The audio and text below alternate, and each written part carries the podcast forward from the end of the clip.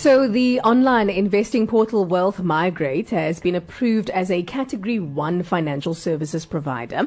And what this means is it allows to provide its crowdfunding offering on an intermediary services basis using shares as a financial product category. So, this morning we are chatting to the CEO of Wealth Migrate, Scott Picken, about the license, as this is a first in Africa, and obviously to find out more as well. So, good morning, Scott. Welcome to the On Show.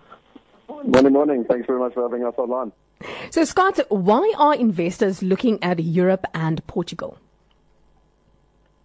Look, I mean, if, if we take a step back, you know, at the end of the day, people have wanted to diversify and not just invest, out, you know, in South Africa, mm. but out of South Africa, whether it was England, America, Australia, or even Europe.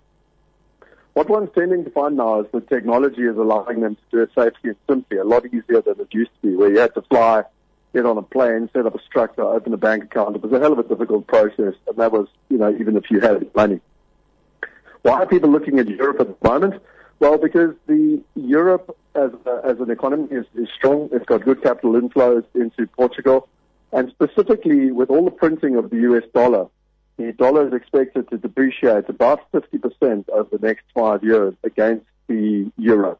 And so a lot of wealthy people specifically are looking for assets in Europe, and then specifically within Europe, looking for countries where the fundamentals are right so that they can have economic growth, population growth, and, and be able to ride the wave long term. Mm-hmm. Uh, Scott, can you maybe just explain the uh, the value chain of real estate and how wealthy people invest in property? It's a really interesting one because when you look at it, most of us have, have read the book Rich Dad Poor Dad, and we kind of understand the, the concept of the employee quadrant or the self-employed quadrant, and most people are trying to get into the I quadrant, which is the investor quadrant. And what we do is we read the book and then we run out and we go and buy a house.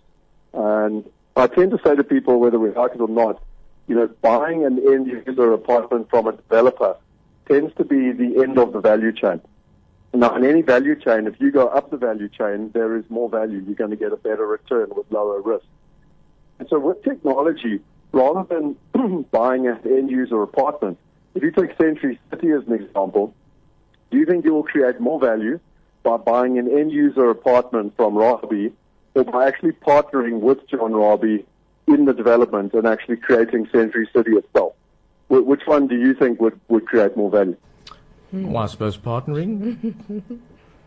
yeah, and, and, and now with technology, that's a possibility. Yeah. So, you know, people have the opportunity now with technology to literally partner with John Rabie. And so rather than buying an end user, you know, apartment, which is the end of the value chain, you go right up the value chain and you partner directly with the developer who has 40 plus years experience with almost Century City. Mm. And then, you know, you, you, you're not only reducing the risk, but you're dramatically increasing the return. Oh, interesting. Wow. Um, Scott, thank you so much for joining us this morning and for shedding some light on this. And uh, best of luck with everything moving forward. You guys are doing amazing.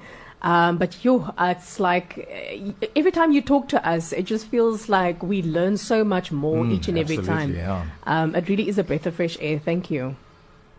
Thank you. Thanks very much. And I just, I just wanted to say, I think, I think what's really exciting for South Africa and for mm. the regulators is it's also embracing the space yeah. And that's good not only for the country, but for the investors and for all, everyone in the ecosystem. So I think it's extremely exciting where, where the world is going now. Exactly, yeah. Awesome. Definitely. Thank you very much, Thank Scott. You. Enjoy your day. Well, so